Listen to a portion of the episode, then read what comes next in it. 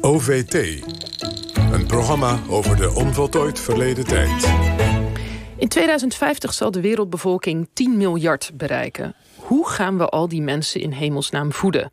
Dat is de vraag achter het boek 10 miljard monden... waarin Wageningse onderzoekers hun kijk presenteren... op wat met een duur woord het wereldvoedselvraagstuk heet. Ja, en toch is dat vraagstuk niet echt iets nieuws. Volgens historica Ingrid de Zwarte... die samen met Jeroen Kandel de inleiding voor de bundel schreef... worstelt de mensheid al millennia lang met de vraag hoe de groeiende wereldbevolking te voeden. En de vraag is natuurlijk dan: wat kunnen we van eerdere denkers leren en hoe beziet uh, Wageningen en hoe beziet met name dan ook Ingrid de Zwarte de toekomst van de mensheid? Uh, kunnen Wageningse collega's ons een beetje uit de problemen helpen? Uh, Ingrid, welkom, goedemorgen. Een historicus aan de Landbouwuniversiteit, dat lijkt uitzonderlijker dan het is, want er is ooit een beroemde Wageningse school van historici geweest, wil ik toch even gezegd hebben. Maar het is dus toch bijzonder uh, tegelijkertijd dat dat nu nog steeds zo is en weer zo is. Um, dat voedselvraagstuk is, geloof ik, niks nieuws. Het is, is het een cruciaal vraagstuk wat de mensen al langer bezighoudt? Ja, het is absoluut een cruciaal vraagstuk. Dus eigenlijk als we door de geschiedenis heen kijken, zien we dat uh, bevolkingsgroei en, en, vraagstukken over voedsel altijd al met elkaar in, in dynamisch verband hebben gestaan. En dat dus die, die centrale vraag van hoe gaan we zo'n groeiende bevolking dan voeden, ook heel erg cruciaal is geweest in alle ontwikkelingen die we hebben gezien in de geschiedenis op het gebied van voedselproductie en ook consumptiepraktijken. Um, ja, misschien wel het belangrijkste voorbeeld is uh, de, de, omslag die we vanaf zo'n 12.000 jaar geleden hebben gemaakt. Van jagen en verzamelen naar het, uh, het uh, praktiseren van sedentaire vormen van, van landbouw. maar ook natuurlijk recenter in de geschiedenis zien we die, die relatie tussen voedselvraagstuk en bevolkingsgroei. Bijvoorbeeld in het einde van de 18e eeuw en de 19e eeuw onder invloed van de industriële revolutie. en natuurlijk zeker ook in de 20e eeuw, met name na de Tweede Wereldoorlog, was dat weer een heel urgent vraagstuk. Ja, wordt dat misschien ook een beetje onderschat door historici? Ik bedoel, we hebben hier vaak historici aan tafel... die hebben het over idealen die tot een bepaalde revolutie leiden... of, of ideologieën die tot oorlog leiden... maar niet zo vaak over ja, dit voedselvraagstuk... als misschien een belangrijke drijver van de loop van de geschiedenis. Ja, daar, daar, daar zou wel wat in kunnen zitten, inderdaad. Dus uh, ik, ik denk dat uh, voedsel toch nog wel vaak wordt gezien als een, uh, ja, een vaststaand gegeven of misschien soms een bijzaak in, uh, zoals wat je net noemt, de grote ontwikkelingen in de geschiedenis.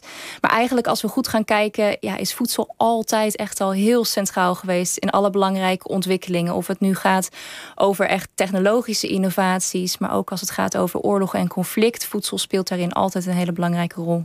En nu staan we dus voor die enorme opgave 10 miljard monden in 2050. Is dat een historische uh, grote opgave? Is dit iets wat eerder vertoond is? Of zeg je van nou, dit is wel echt iets nieuws? Nee, het is zeker niet iets nieuws. En het is ook, uh, ook wel echt iets waar uh, wetenschappers zich vroeger ook al zorgen over maakten. Dus ik denk dat de, ja, de meest invloedrijke publicatie op dat gebied uh, is toch nog steeds wel uh, Thomas Malthus, een essay on the principle of population uit 1798. En uh, Malthus waarschuwde daarin al voor de gevolgen van overbevolking. En, en hij stelde eigenlijk dat, ja, dat de voedselvoorziening nooit in staat zou kunnen zijn om die, die snelle bevolkingsgroei bij te benen. En dat dan dat uiteindelijk altijd een grote catastrofe, dus hongersnood, oorlog, conflict tot gevolg zou hebben. Dus volgens Malthus was, was hongersnood echt een, een interventiemechanisme van de natuur. Om er weer voor te zorgen dat die bevolkingsgroei uh, weer gelijk zou zijn met, uh, met de mogelijkheden van de natuurlijke hulpbronnen. Um, ja, en we zien dat, dat, dat die ideeën eigenlijk heel invloedrijk blijven. En dan met name na de Tweede Wereldoorlog zien we dat weer aan, uh, snel aan, aan aandacht winnen. Onder invloed van uh, de bevolking die ook op dat moment heel snel groeit. Dus we zien van uh, eh, 1900 hebben we nog 1,6 miljard inwoners. In 1960 zijn dat er al 3 miljard. En ook dan gaan wetenschappers, met name ecologen en biologen, waarschuwen dat, dat we die overbevolking niet zouden aankunnen. Ja, en nu zeg je in, in, in jullie boek, zeg je, er zijn eigenlijk twee soorten klokkenluiders. Hè? Aan de ene kant heb je de, de onheilsprofeten, die noem je net, hè? mensen die waarschuwen, het gaat mis, gaat nooit meer goed. En aan de andere kant heb je, wat jullie geloof ik noemen, tovenaars. Mensen die met een oplossing komen. Uh, leg even uit, waar we het dan over hebben. Wie zijn de tovenaars en wie zijn de onheilsprofeten? Ja, dus we hebben eigenlijk die termen tovenaars en profeten hebben we overgenomen van een veel geprezen boek van Charles Mann, The Wizard and the Prophet.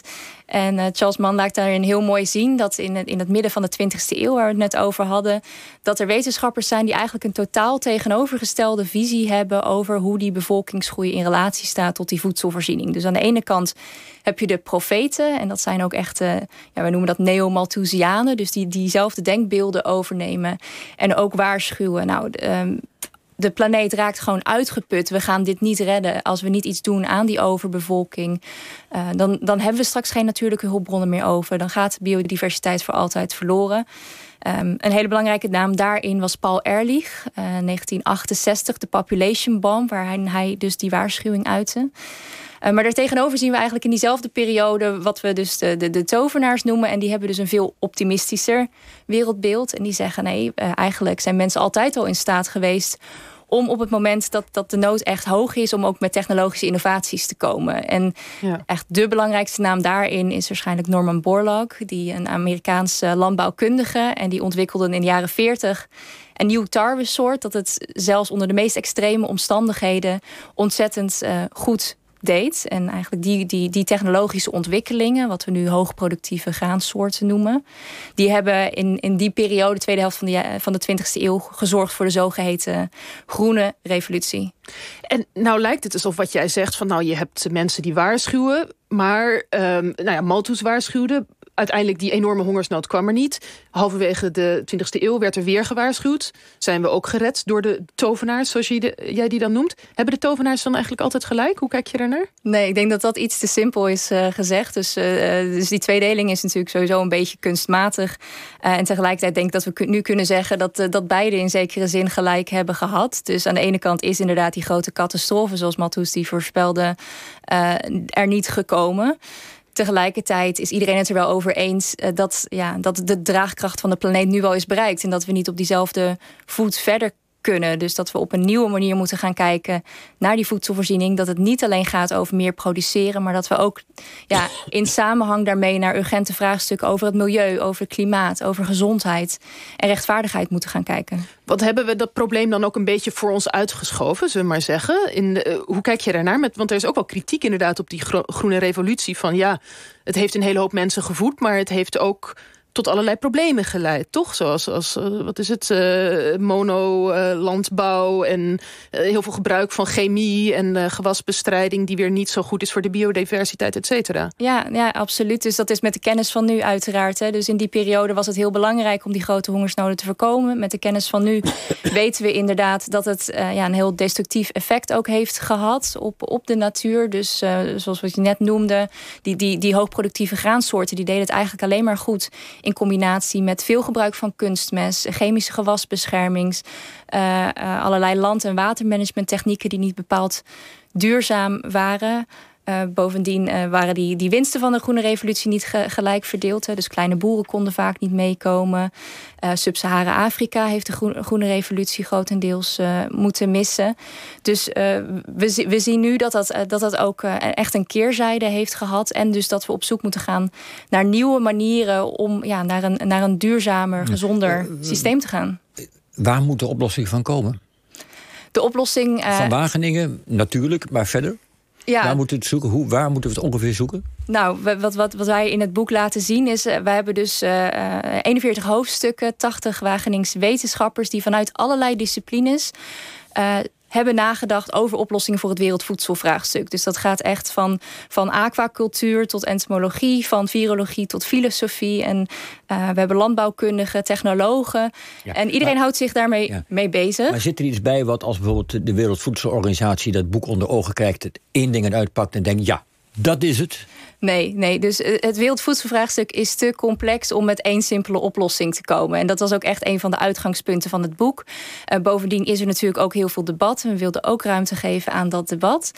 Uh, en daarnaast stellen we ook in het boek dat, dat kennis en wetenschap natuurlijk ook niet voldoende is. Hè. Dus we hopen natuurlijk ook echt dat het, dat het aanleiding geeft tot een nieuw debat tussen niet alleen de wetenschap, maar vooral ook de maatschappij en politiek. En dat we zo samen tot oplossingen kunnen komen. Dus jij zegt eigenlijk ook in Wageningen is wel het besef doorgedrongen. Uh, met technologie alleen komen we er niet. Met, met uh, tovenarij, maar zeggen. We moeten die we moeten dat combineren. Ja, ja, ja, absoluut. Dus wij veranderen die vragen ook in ons boek... van hoe voeden we de wereld in 2050... naar hoe zorgen we in 2050 voor voldoende gezond voedsel... met uh, respect voor onze planeet en alle mensen en andere dieren die er wonen. Goed, dank uh, Ingrid de Zwarte. Um, we hadden het over het boek 10 miljard monden... waarin dus Wageningse onderzoekers hun visie op het wereldvoedselvraagstuk uh, presenteren... onder redactie van Ingrid de Zwarte en Jeroen Kandel. En dat ligt vanaf dinsdag in de winkel. En dit was